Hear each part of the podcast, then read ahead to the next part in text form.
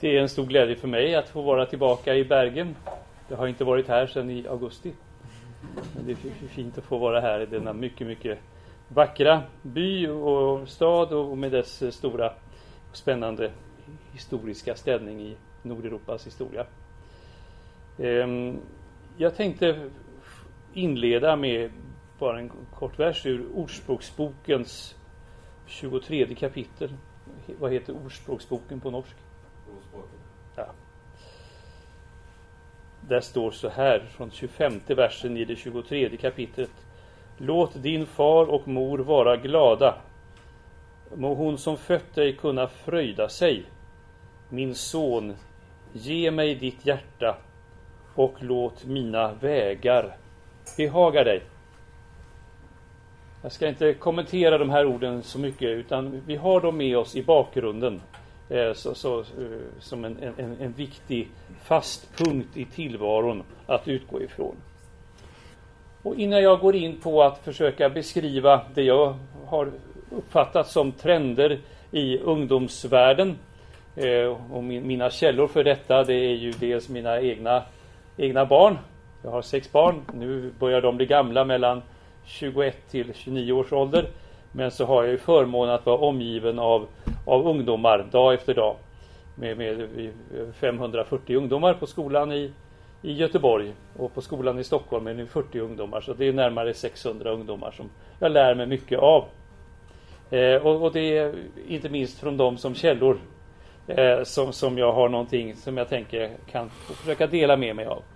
Men innan jag går in på det så vill jag gärna dela med er ifrån forskningen eh, om, som har med mänsklig utveckling att göra. Eh, insikter om mänsklig utveckling hämtad ifrån en särskild inriktning inom utvecklingspsykologin som kallas för tillknytningspsykologi, tror jag på norsk. Anknytningspsykologi på svenska eller Psychology of Attachment på engelska. Och där har jag försökt att producera några eh, Vi ska inte gå igenom allt detta men den här bilden tänkte jag försöka i alla fall dela med er som en viktig utgångspunkt. Vad forskningen har kommit fram till och forskare här är en man som heter John Balby verksam på, på 40 50-talet och som byggde sin forskning på ett arbete han hade att efter andra världskriget mm, psykologiskt eh, behandla barn som kommit bort ifrån sina föräldrar under andra världskriget. Sådana som förlorat kontakt med föräldrar under flykt eller vars föräldrar dött. Och hans uppgift ifrån Röda Korset det var att se vad sätter det för spår hos barn? Hur påverkar det barn när relationen till föräldrar avbryts på ett tidigt stadium? Och eh, hans forskning resulterade i, i, i den här teoribildningen som kallas för anknytningspsykologi. Och en av hans lärjungar, Mary Ainsworth, utvecklade det här vidare. Hennes eh, forskning baseras bland annat på ett psykologiskt experiment som kallas för Främlingen i rummet. Det har återupprepats många gånger. Man tar ett rum, ser ut som ett hem, inför man en mor och hennes barn som är omkring eh, ett år gammalt. De är ensamma i det här rummet. Det är möblerat med vanliga möbler. På golvet finns en del leksaker. Eh, barnet sitter i moderns knä. Så småningom upptäcker barnet leksakerna och börjar då visa tecken på att vilja komma bort ifrån modern, krypa ner på golvet och pyssla med leksakerna. Och då släpper man in en främling i rummet. Det är ju mycket spännande. Och då sitter man bakom ett så här blindfönster och iakttar hur barnet reagerar. Och 60% av barnen kommer då omedelbart att lämna leksakerna och krypa till mamma och söka trygghet där. Ungefär 25 % eh, sitter kvar med, med, med eh, leksakerna och tycks inte reagera på att främlingen kommer in. Och den andra gruppen är svårtydda, det är ambivalent. De som kryper till modern, de visar tecken på att ha en trygg anknytning. Anknytning handlar om att det finns ett grundläggande behov hos oss i, när vi är små barn att stå i relation till någon som vi stoler på, som vi litar på, som är större än oss, som i vårt psyke intar en alfaposition. Och alfaposition vill jag i den här kontexten eh, översätta med ett varmhjärtat ledarskap. Någon som tar ansvar, som böjer sig ner. Själva i dramaturgin så är alfaposition det att sträcka sig ner, att vilja lyfta upp, att, att, att ge, ge ut av sig själv.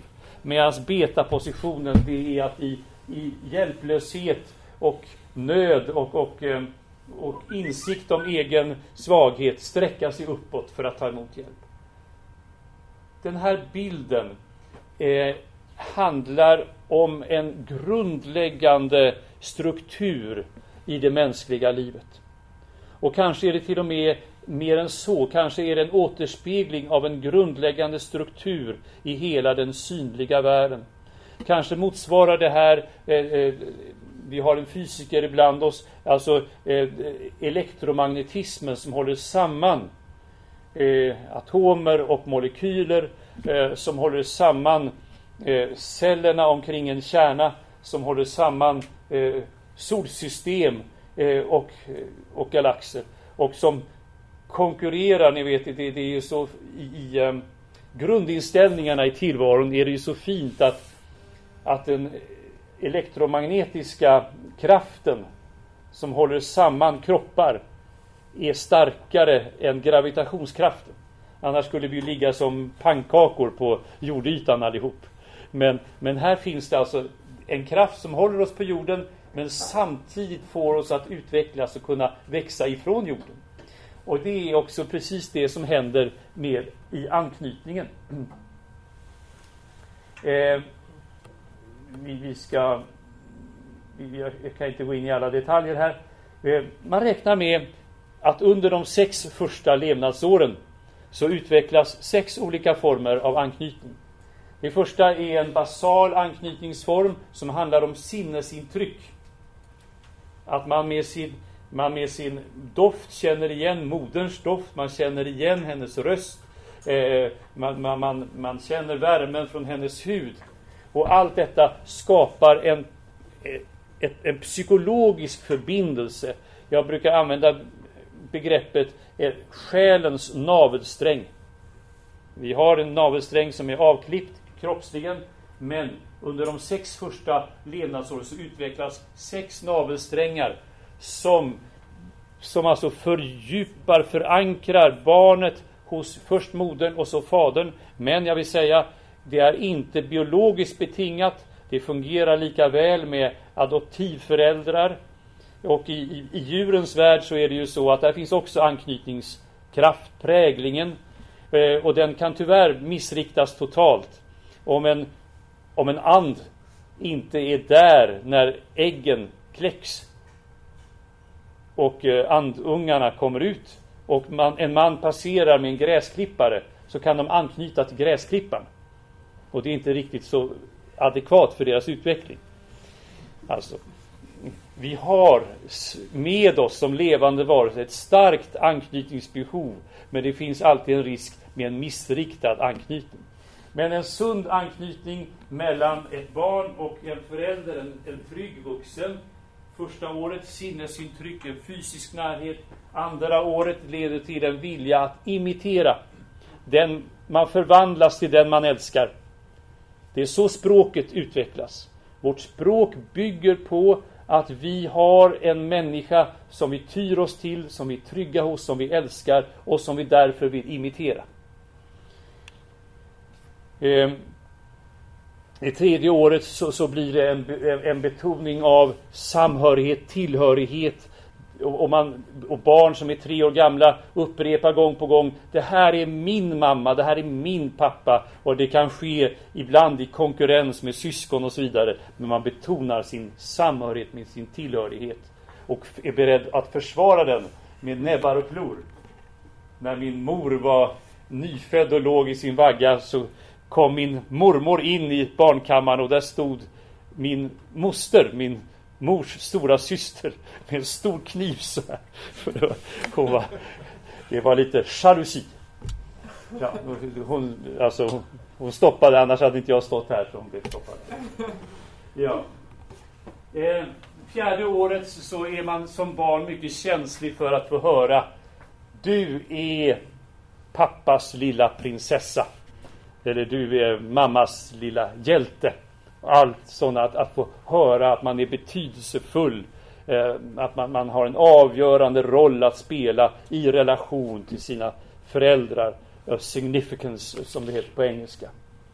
Det femte året, om man ska testa om ett barn i, som är fem år gammalt är anknutet till vuxna så, eller till kompisar.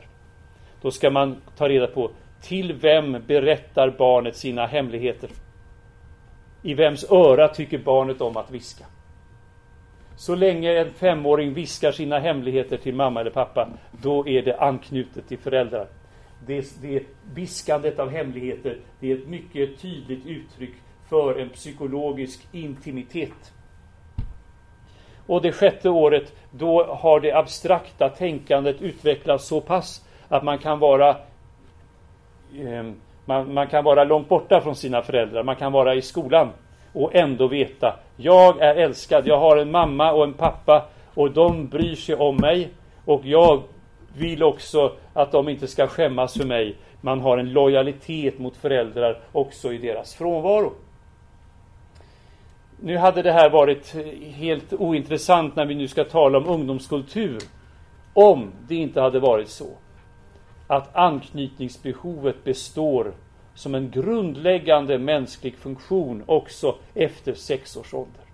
Och alla de här formerna av anknytning kan vi översätta också till ungdomars, tonåringars liv och till vuxna människors liv.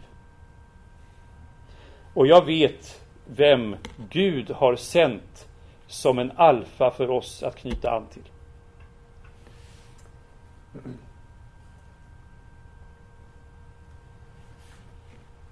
Om man knyter an till en gräsklippare så är det, det är dysfunktionellt. På motsvarande sätt, fast mindre tydligt, så är det också dysfunktionellt att knyta an till jämnåriga. Om man som tioåring knyter an till jämnåriga tioåringar. Då, det handlar inte om att man har kompisar och vänner, utan det är att man med sitt hjärtas innersta tyr sig till, litar på, ger sitt förtroende till en jämnårig.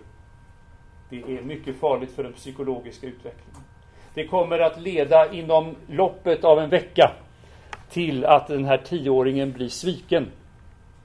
Man kan bli sviken av vänner, men att bli sviken av den som är ens primära anknytningsobjekt till den som har intagit alfapositionen i ens liv, det är ohyggligt smärtsamt, ohyggligt skadligt för den psykologiska utvecklingen. Och för att skydda sig mot detta så utvecklar vi människor ett skydd för våra hjärtan. En ismur.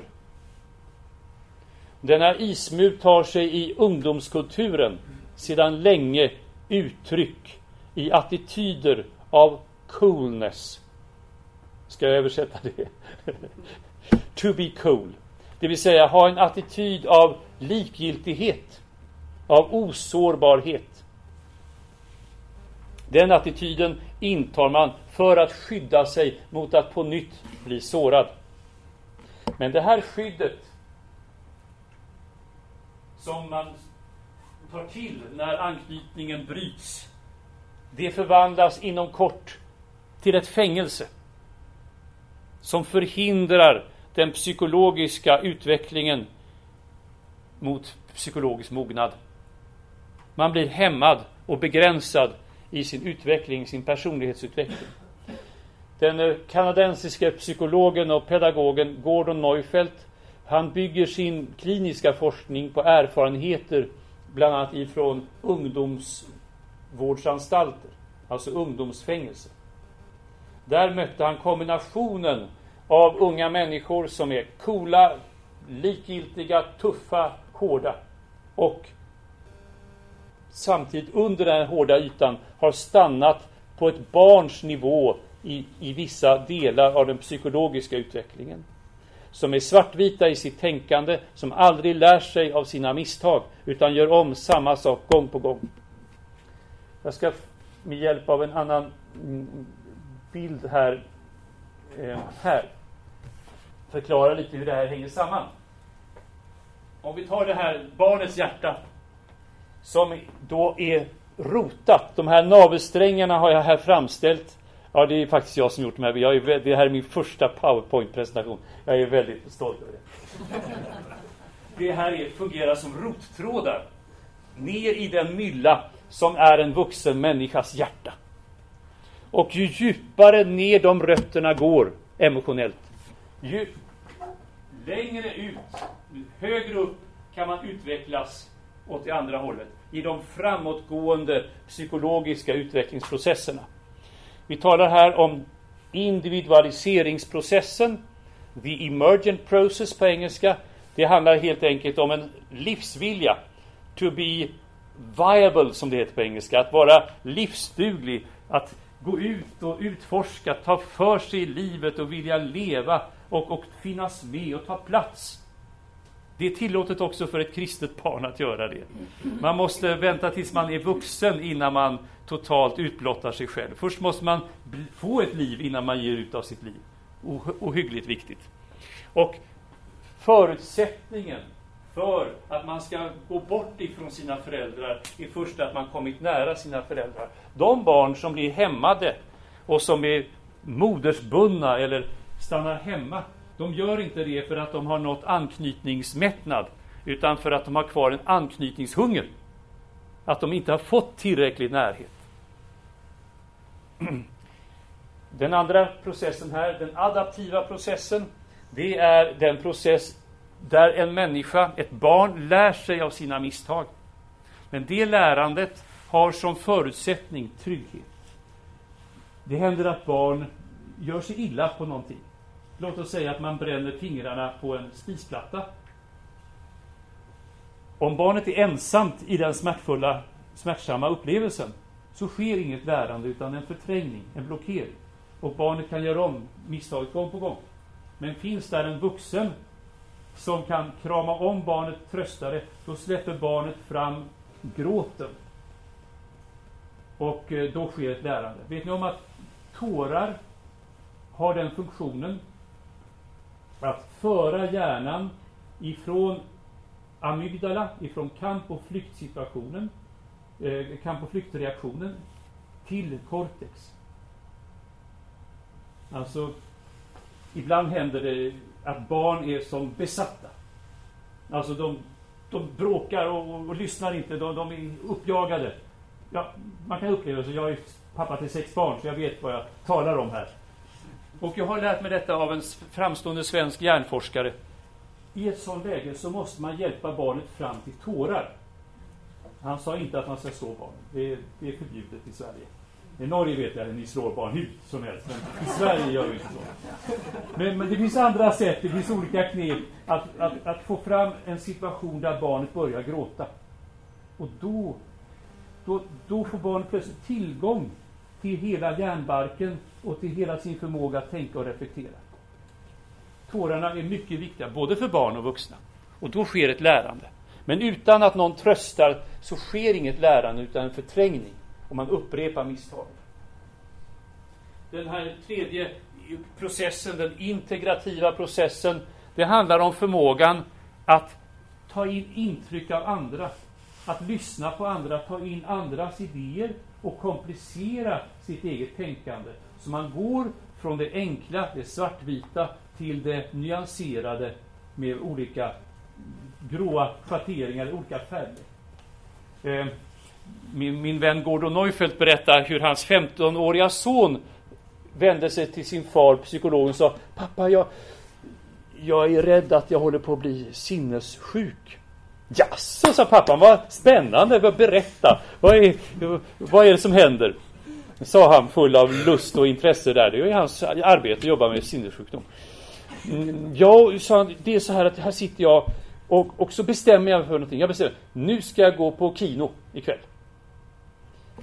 Men då är det som att jag hör en röst inom mig som säger, nej det ska du inte alls, du ska vara hemma och göra dina läxor.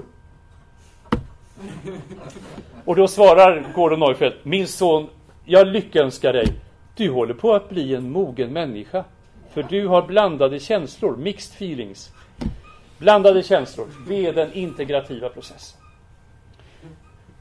Vi befinner oss i en situation runt om i, i våra länder där det finns sociala miljöer med många, många trasiga hem. Och där växer det upp unga människor som har fått problem med den integrativa processen. Som kan ha ett så svartvitt tänkande att de kan vara beredda att begå mycket, mycket eh, eh, alltså destruktiva handlingar. Jag är övertygad om att av de, jag vet inte hur många hundra det är av svensk, från Sverige som har rest till Syrien för att kämpa med den tappra armén IS. Har ni hört talas om dem? Fina, modiga människor som hugger huvudet av små barn och visar sin manlighet på det viset. Alltså, att delta i sådana saker, det är ett tydligt tecken på att man är skadad i den integrativa processen. Det är förödande. Det här ska vi ha som bakgrund när vi erinrar oss att efter andra världskriget så är det olika krafter, två olika krafter i Västeuropa som börjar bekämpa relationen mellan föräldrar och barn. Föräldrar och barn på väg att bli vuxna. I psykologin finns det två tillstånd i det mänskliga. Barn och vuxen. Och där är det en process eh, hela tiden, steg, stegvis mognande. Men några har intresse av att föra in begreppet tonåring. Som är okänt i utvecklingspsykologi men som är mycket intressant om man är marknadsförare. Och ju mer man betonar tonåringen som en unik varelse som på något sätt skulle ha landat ifrån rymden och som förutsätts leva i konflikt med sina föräldrar. Och där det programmatiskt framställs så att för en sund utveckling ska varje människa, ung människa senast vid 13 års åldern göra uppror mot sina föräldrar.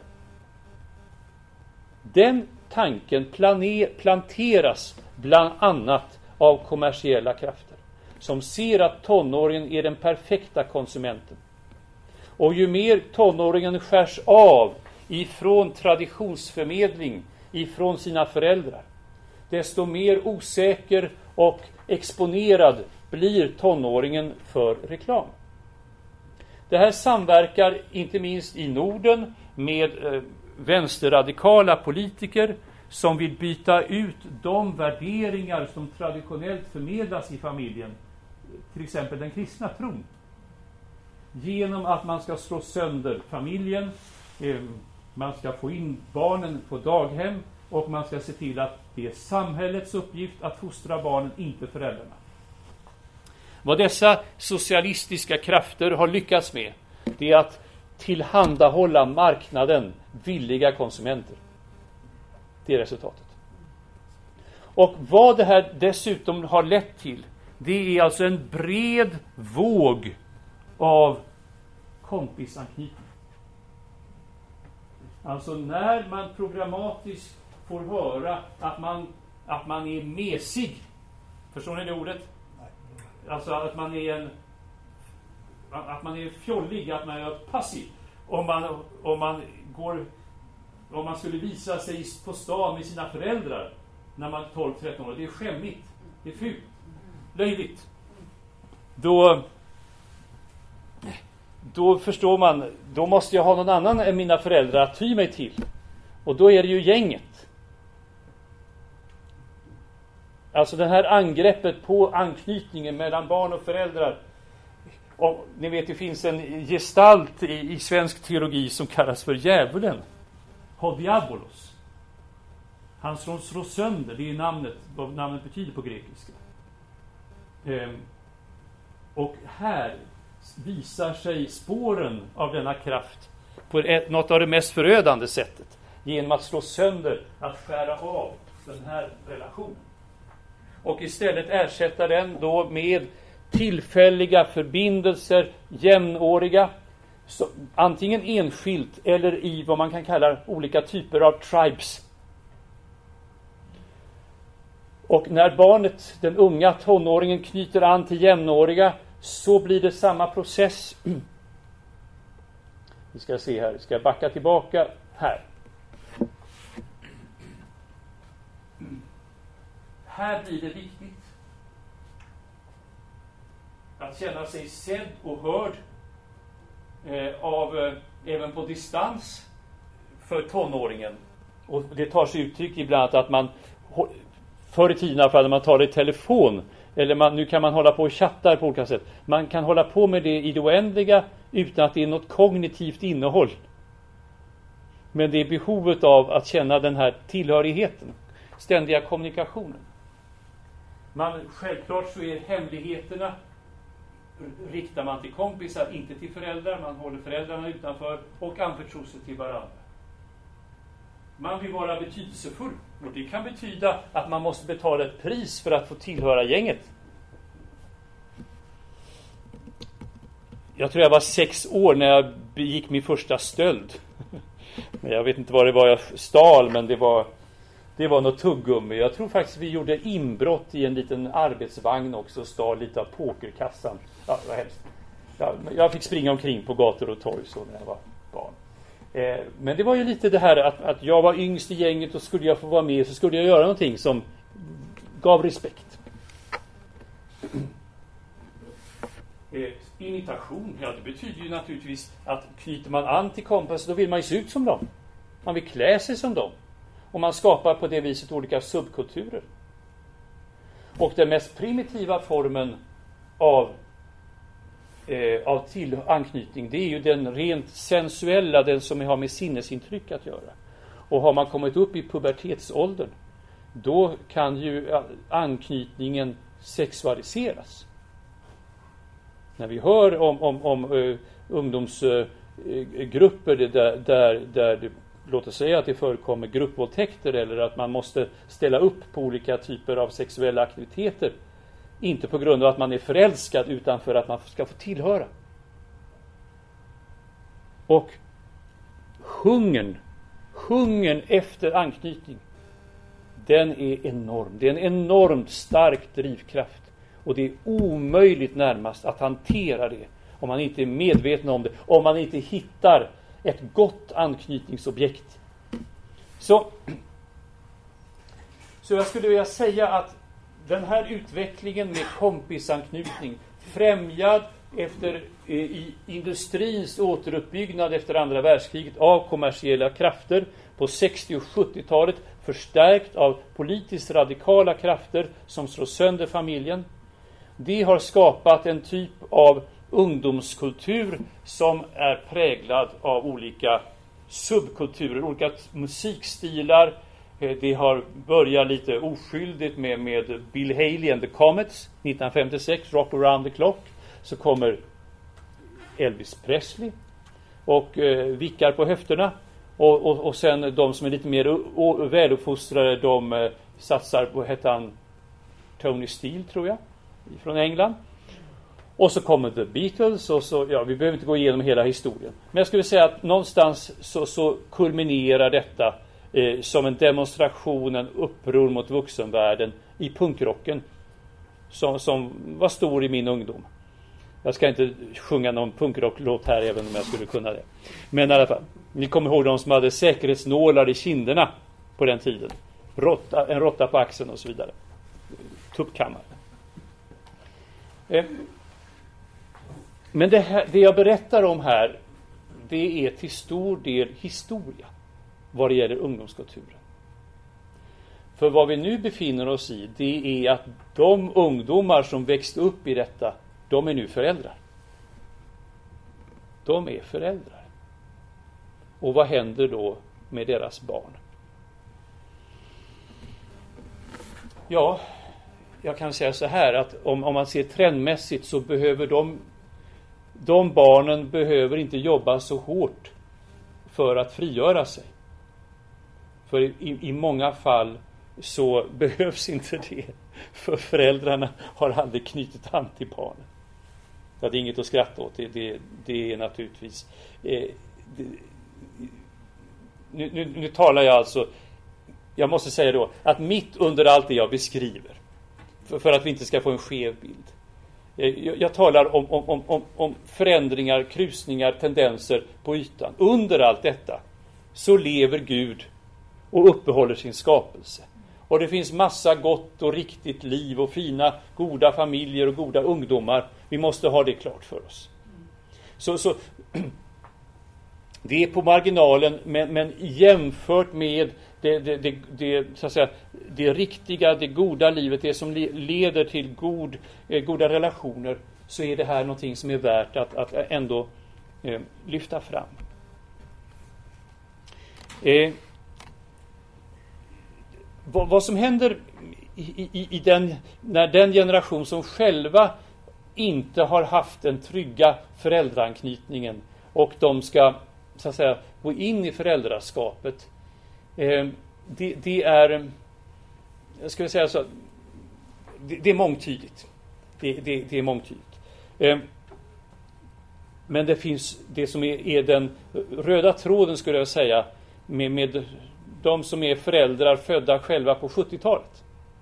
60-70-talet, 70-talet framförallt. Det är osäkerhet. Och osäkerheten kan hanteras på olika sätt.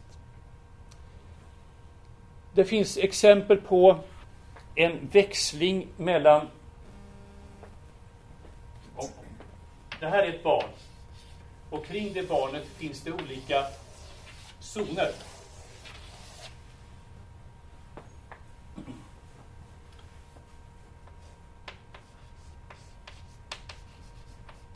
Det här kallas för intimiseringszonen.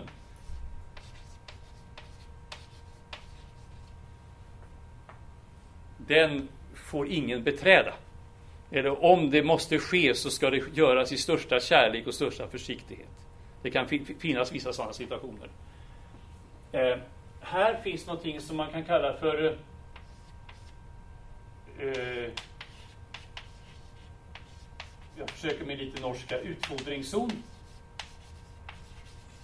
Alltså här kan man utfodra barnet med, med att säga Jag skulle vilja att du gjorde det här. Jag tycker inte det där är bra utan gör så här istället. Det har man rätt att göra. Man, ska, man, man, kan alltså, man måste ju lära barnen och då får man utfodra dem med olika former av uppfostran och tillsägelser och så vidare. Men när man har gjort det, då får man gå tillbaka. Eh, ta ett steg tillbaka till en tillbaka Träcknings... Säger ni zoner kanske? Jag, jag chansar, jag, jag skjuter från höften. Eh, alltså, om man säger så här. Eh, nu vill jag att du, eh, att du bäddar din säng. Går det att säga så? Ja, då, då, då har man sagt det. Då behöver man inte stå kvar där i rummet. Och, ja, bädda din säng nu, bädda din säng nu. Får jag se, får se. Utan man drar sig tillbaka då. Och så kanske man går dit och tittar sen på kvällen. Har det, ja, det var ju bra. Men om man står liksom på barnets skosnören och, och, och liksom verkligen tjatar så är det inte bra. Det slår bakut. Så det finns alltså olika... Det, det, är ganska naturligt att man i ett hem, i en relation barn-förälder, rör sig mellan de här två zonerna. Men här utanför finns någonting som man kan kalla för deserteringszon. Det, där är man likgiltig inför sitt barn. Man är psykiskt frånvarande eller fysiskt frånvarande. Och det allra grymmaste som föräldrar kan utsätta barn för, det är att istället för att växla med de här två zonerna, växlar mellan dessa två zoner. Alltså att kränka barnet genom att gå in i intimiseringszonen på ett sådant sätt som inte ska ske mellan en vuxen och ett barn. Och sen bara sticka därifrån. Det är, så grundlägger man psykisk ohälsa. Nåväl. Vad, vad en osäkerhet i föräldraskapet eh, kan leda till, det är det kan ibland vara en, en överdriven, alltså att man stannar för mycket i utfodringszon. Det vill säga att man med sin egen osäkerhet och sin, sin kamp för att få kontroll överför den här osäkerheten på barnet som, som då på något sätt ständigt får känna dåligt samvete som ständigt måste kämpa för att få kontroll. En annan, ett annat fenomen det är att att man i sin osäkerhet i ledarskap som mamma och pappa att man inte intar en alfaposition. Man har hört om, om eh, utifrån en, en historiematerialistisk människosyn, alltså en marxistisk syn på makt och beroende, hört att all makt är ond, auktoritet är per definition ond. Man ska nu genomföra, man ska utföra en, en demokratisk fostran. Och då säger man till barnet så här, man går in i eh, förrättningen för att köpa livsmedel. Ja, lilla vän, vad vill du att vi ska köpa? Vad ska vi äta för mat idag? Vad, vad tycker du och vad vill du? Och det finns naturligtvis ett utrymme för detta, att, att låta barnet känna att, man, att betyder något och få påverka. Men vad som händer, och nu, nu är vi framme på 90-talisterna.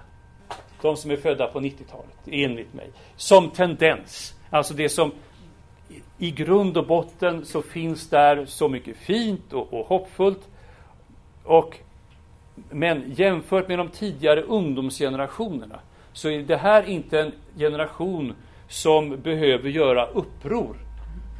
Utan de har tilldelats i stor utsträckning en alfaposition själva.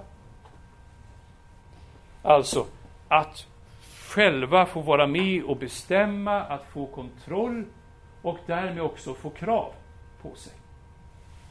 Krav eh, som, som, syft, som, som kan leda till ständig känsla av otillräcklighet. Om ambitionen, om, om själva ribban ligger högt. Du ska ha koll på allt.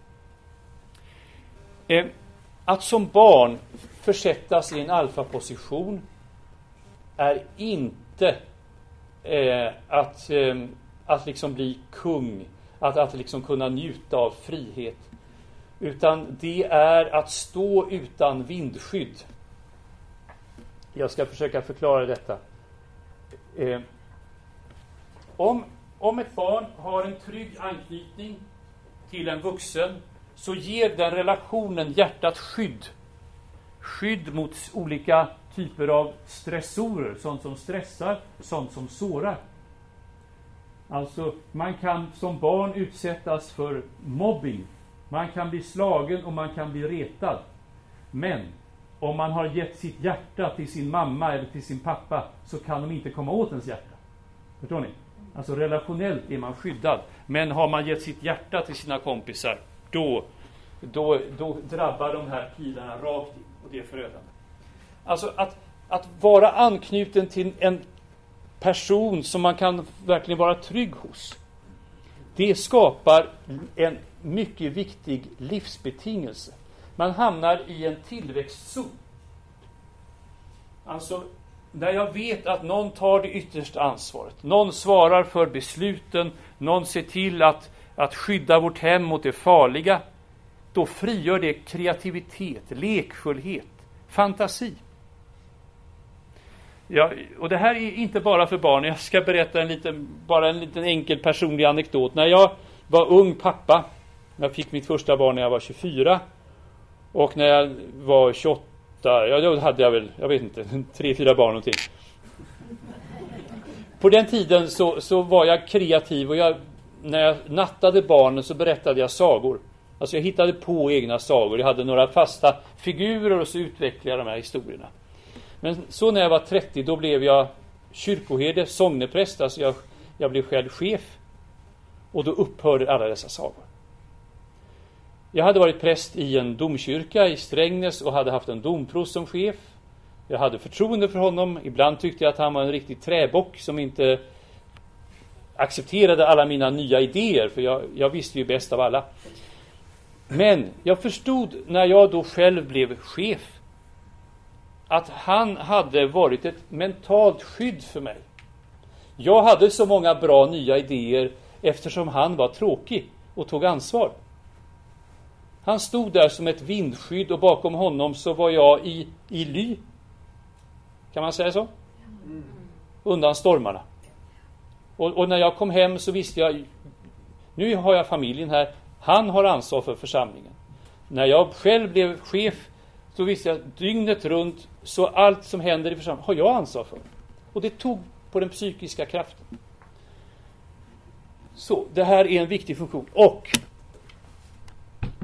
när ett barn tidigt hamnar i alfaposition då berövas det någonting av den här tillväxtzonen.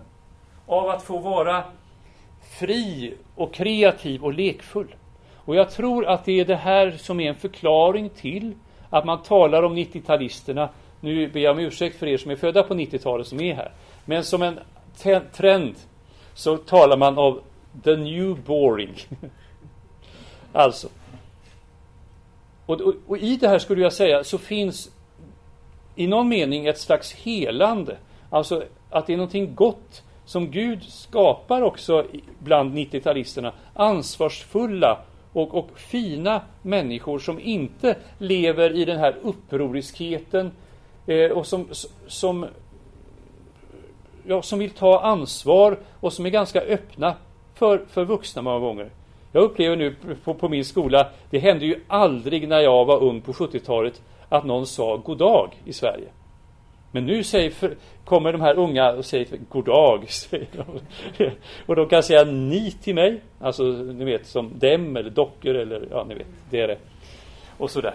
Ja, och, så att det finns en strävan kulturellt till att, att, att söka mer traditionella saker. Men dilemmat är när det sker ifrån en kanske ibland tyngande känsla av att vara, att ha kontroll, att ha ansvar, att vara allvarlig. Och i värsta fall, och nu, nu, nu målar jag liksom lite orosmoln så här, men i värsta fall så kan en tidig alfa-positionering för ett barn innebära att de här vardagsbesluten man fick vara med och fatta, vad man ska köpa för mat, beslut man drev igenom genom att kasta sig på golvet i förrättningen och skrika högt tills mamma blev alldeles ifrån sig och, och generad och till slut gav efter. När man som barn börjar märka att man, jag kan utöva makt. Det är en härlig känsla. Makt, makt. Men om, om man som barn får göra det tidigt, då kan det hända att omedvetet så byggs det in i medvetandet, eller över medvetandet, en maktfunktion, en tyrann som man inte har makt över sen själv och som kräver av mig att jag ska ha kontroll över allt. Jag ska ha kontroll över min kropp. Om min kropp ska vara så här smal eh, och snygg eller om den ska växa och bli, bli stor och fet eller om den ska bli smalare. Alltså, eh, enligt Gordon Neufeld så är det en av de viktigaste förklaringarna till det vi kallar för ätstörningar, anorexia. Det är alltså inte minst unga flickor som tidigt fått placeras i alfaposition, som fått bestämma till den grad att de slutat kunna kontrollera sitt kontrollbehov och kräver av sig själv kontroll över allt. Och kontrollen behöver inte bara handla om eh, hur kroppen växer till, den kan också handla om smärta. Att i den mån jag ska ha ont så ska jag själv ha kontroll över smärtan. Vilket då har lett till någonting som är ganska nytt i mänsklighetens historia. Självskadebeteende. Min fru jobbar i psykiatrin.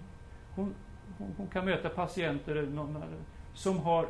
Det, det finns inte en hudyta på, hen, på den här patientens kropp som inte är ärrbildning. Hon har skurit sig tusentals gånger med rakkniv. Eh, överallt. Och, och det här har vi, jag har det bland mina elever, är högpresterande elever. Och där möter vi det här ibland. Självskadebeteende. Alltså ångesten att få kontroll, rädslan för att drabbas av en smärta som man inte kan kontrollera och befrielsen i att nu kommer smärtan men det är jag som styr över den. Ett annat fenomen som kan följa på tidig alfapositionering som barn det är mobbing. Um, mitt äldsta barnbarn har jag varit mycket orolig för. Jag har varit rädd att han ska utvecklas till en mobbare. Han är mycket, mycket smart. Jag kommer ihåg eh, att vi skulle bada i en sjö. Han var kanske ett och ett halvt år gammal och hade simring på sig och var ute i vattnet. Och så kom han lite för långt ut och tappade liksom fotfästet. Då ropade han Rädda alla barnen! Rädda alla barnen! alltså ett och ett halvt alltså. Och han fick massa beröm och tycker han fantastisk som, som, som, som kan uttrycka sig så bra, alltså en verbal. Men så fick han småsystrar. Och han har varit brutal mot dem. Brutal. Alltså, han intar en alfaposition gentemot sina småsystrar utan att ha empatisk förmåga. Alltså om barn får bli upphöjda, berundrade och upphöjda till alfaposition innan de har fått förmåga att utveckla empatisk förmåga så blir de farliga.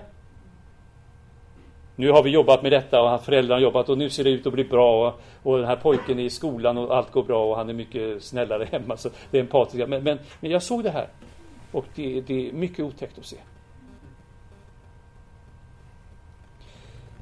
Ehm.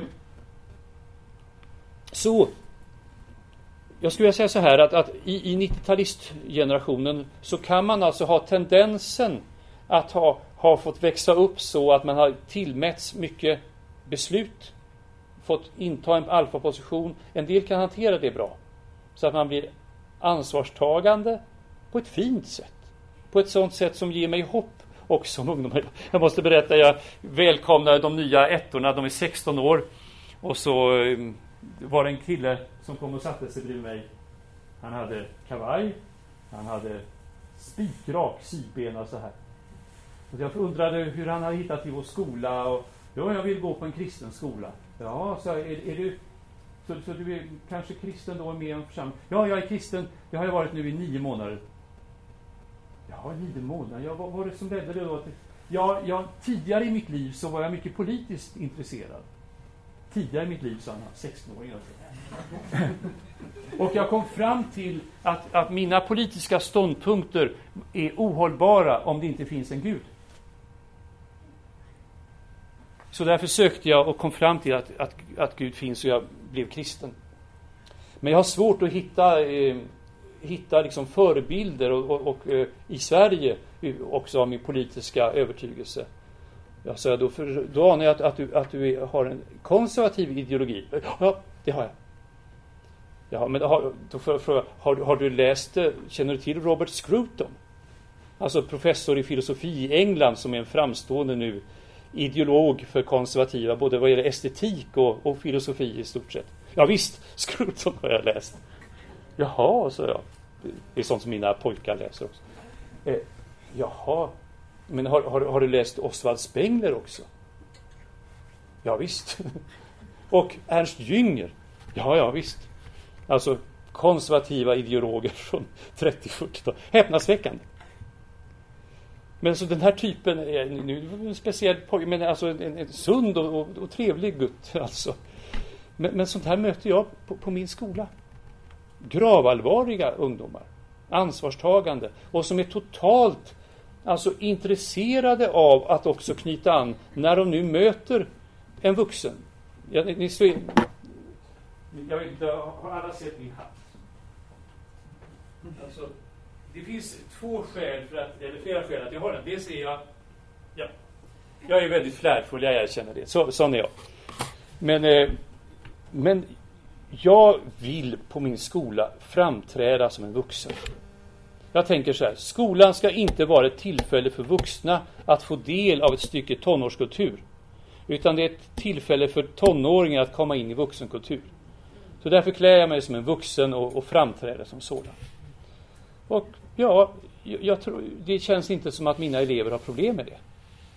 Utan det finns en slags längtan, märker jag, i den här... Nu är mina elever, de är ju snart födda på 2000-talet alltså. De, de som börjar nu är födda 99. Men där finns en längtan också efter att möta trygga, tydliga vuxna som kan i deras liv nu inta en alfaposition så att de kan känna en slags trygghet i det, frigöras till kreativitet och tagga ner lite. Men vi befinner oss nu i en mycket allvarlig kulturell kris, skulle jag säga, i västerlandet. Vi har utomordentligt svaga politiska ledare. Vi har en kultur som är fragmentiserad, sönderhackad. Och eh, det är inte bara så att det finns ett föräldraskap som har varit svagt och osäkert. Utan det finns väldigt, väldigt få på så att säga, det offentliga livet som framträder som trygga, starka och varmhjärtade eh, alfa-vuxna. Och eh, det tror jag är den det, det är trenden nu i, bland, bland de yngre i ungdomsgenerationen. Och det tror jag samtidigt är en, är en situation på vilken Guds rike har ett svar och är ett svar. Som lutheran har jag ju funderat mycket över detta med lag och evangelium. Guds ord består av lag och evangelium, vad Gud kräver och vad Gud skänker. Den ursprungliga kristna bekännelsen, det är Christos Kyrios. Kristus är här. Om man då ställer sig frågan, på vilket sätt är det evangelium? På vilket sätt är det ett glatt budskap att ha en Herre? Alltså, man, tänker man modernt och marxistiskt eller feministiskt så är det ju en fruktansvärd lag att ha en herre, någon som bestämmer över mig. Men om man tänker anknytningspsykologiskt att Jesus inte bara är alfa och omega i meningen att han är först och sist, utan han är den högste, han är min Herre. Att jag, med mitt hjärtas hela djupa anknytningshunger, får rikta hjärtats navelsträngar till Jesus. Han som aldrig sviker, aldrig överger, som är med mig alla dagar till tidens slut. Han som älskar mig förbehållslöst.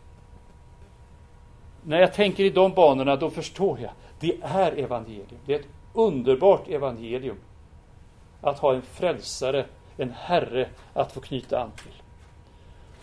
Och vi som har fått nåden av Guds ande att möta denna Herre, som fått höra budskapet om Christos Kyrios. Vi kommer vartefter åren går, månaderna går, upptäcka att vi kommer inte längre bara beskrivas som några stenåldersmänniskor som håller fast vid någonting förlegat. Vi kommer att uppfattas som framtidsmänniskor som har ett svar på en djupliggande nöd i vår samtid. Vi kommer med en frälsare, en bekännelse, ett budskap om en frälsare som helar våra hjärtan. Som främjar vår mognad, vår fortsatta skapelse i en relation till honom. Det här är bilden.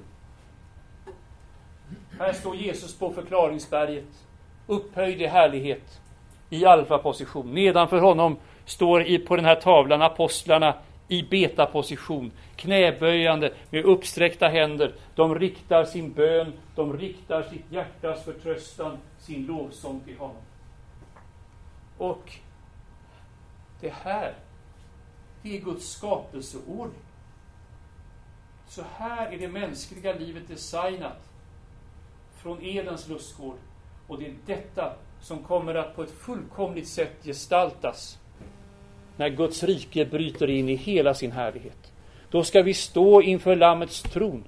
Då ska vi lovsjunga honom. Och medans vi lovsjunger och upphöjer honom så fullkomnas vi i den relationen.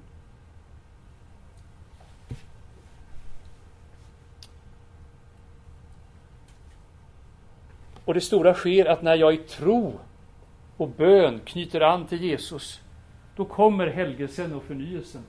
För vi förvandlas till den vi liknar, till, till den vi älskar. Precis som jag som barn lärde mig tala för att jag älskar min mamma och pappa, så kommer jag att börja likna Jesus genom att jag knyter an till honom. Inte att jag läser kursen och går igenom en, ett handlingsprogram, utan att mitt hjärta rotar sig i honom. Så kommer Kristusbilden att växa fram i mig. Nu har jag avvikit ifrån ämnet, Eh, men eh, jag vill ändå det, det, det, finns så oändligt många, man kan droppa names på olika popartister och modedetaljer och så, men, men, men det spelar inte så stor roll för själva strukturen. Jag ska visa en bild till. Det här tycker jag är en sån underbar bild av anknytningen. Här sitter det, det som är så underbart med Guds frälsningsplan, det är att Jesus inte bara visar sig för oss i en alfaposition. Han visar sig för oss också i en betaposition. Han knyter an till, till Maria och till Josef. Han är lydig dem när han kommer hem från templet.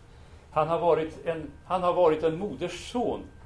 Och på något sätt säkert suttit i sin moders famn och tagit eh, diat hennes bröst. Den här fromma bilden från eh, 1500-talet visar hur barnet sitter i moderns famn, har hennes slöja över sig, alltså gömmer sig från världen i tryggheten, i anknytningen till modern. Men genom den tryggheten vågar också lyfta på slöjan, blicka ut nyfiket, utforskande mot omvärlden. Och börjar också, som ni ser här, ta för sig. Det här är den in, eh, alltså individualiseringsprocessen, att vilja ta för sig i livet med, med de druvorna. Så är vi kallade att leva, som Jesus sitter där i, i sin moders famn. Så växer vi. Och så kan både gamla och unga helas. Och jag är övertygad om att, att det, som, det som förde oss kristna i Nordeuropa, i Västeuropa, ut i marginalen, frågor som har med relationer att göra, med underordning att göra, av manligt och kvinnligt. Vi kommer att ur det här smärtsamma och det som blev anstöten, i, i detta kors kommer det så kommer sten att rullas bort. Och det kommer framstå en uppståndelsekraft i detta. För allt det Guds ord talar om hur sonen är underordnad fadern. Hur vi ska underordna oss varandra. Subordination kan översättas anknytning. Och när vi förstår det på det viset så förstår vi att det här inte är ett hot mot det mänskliga livet. Det är en förutsättning för det mänskliga livet.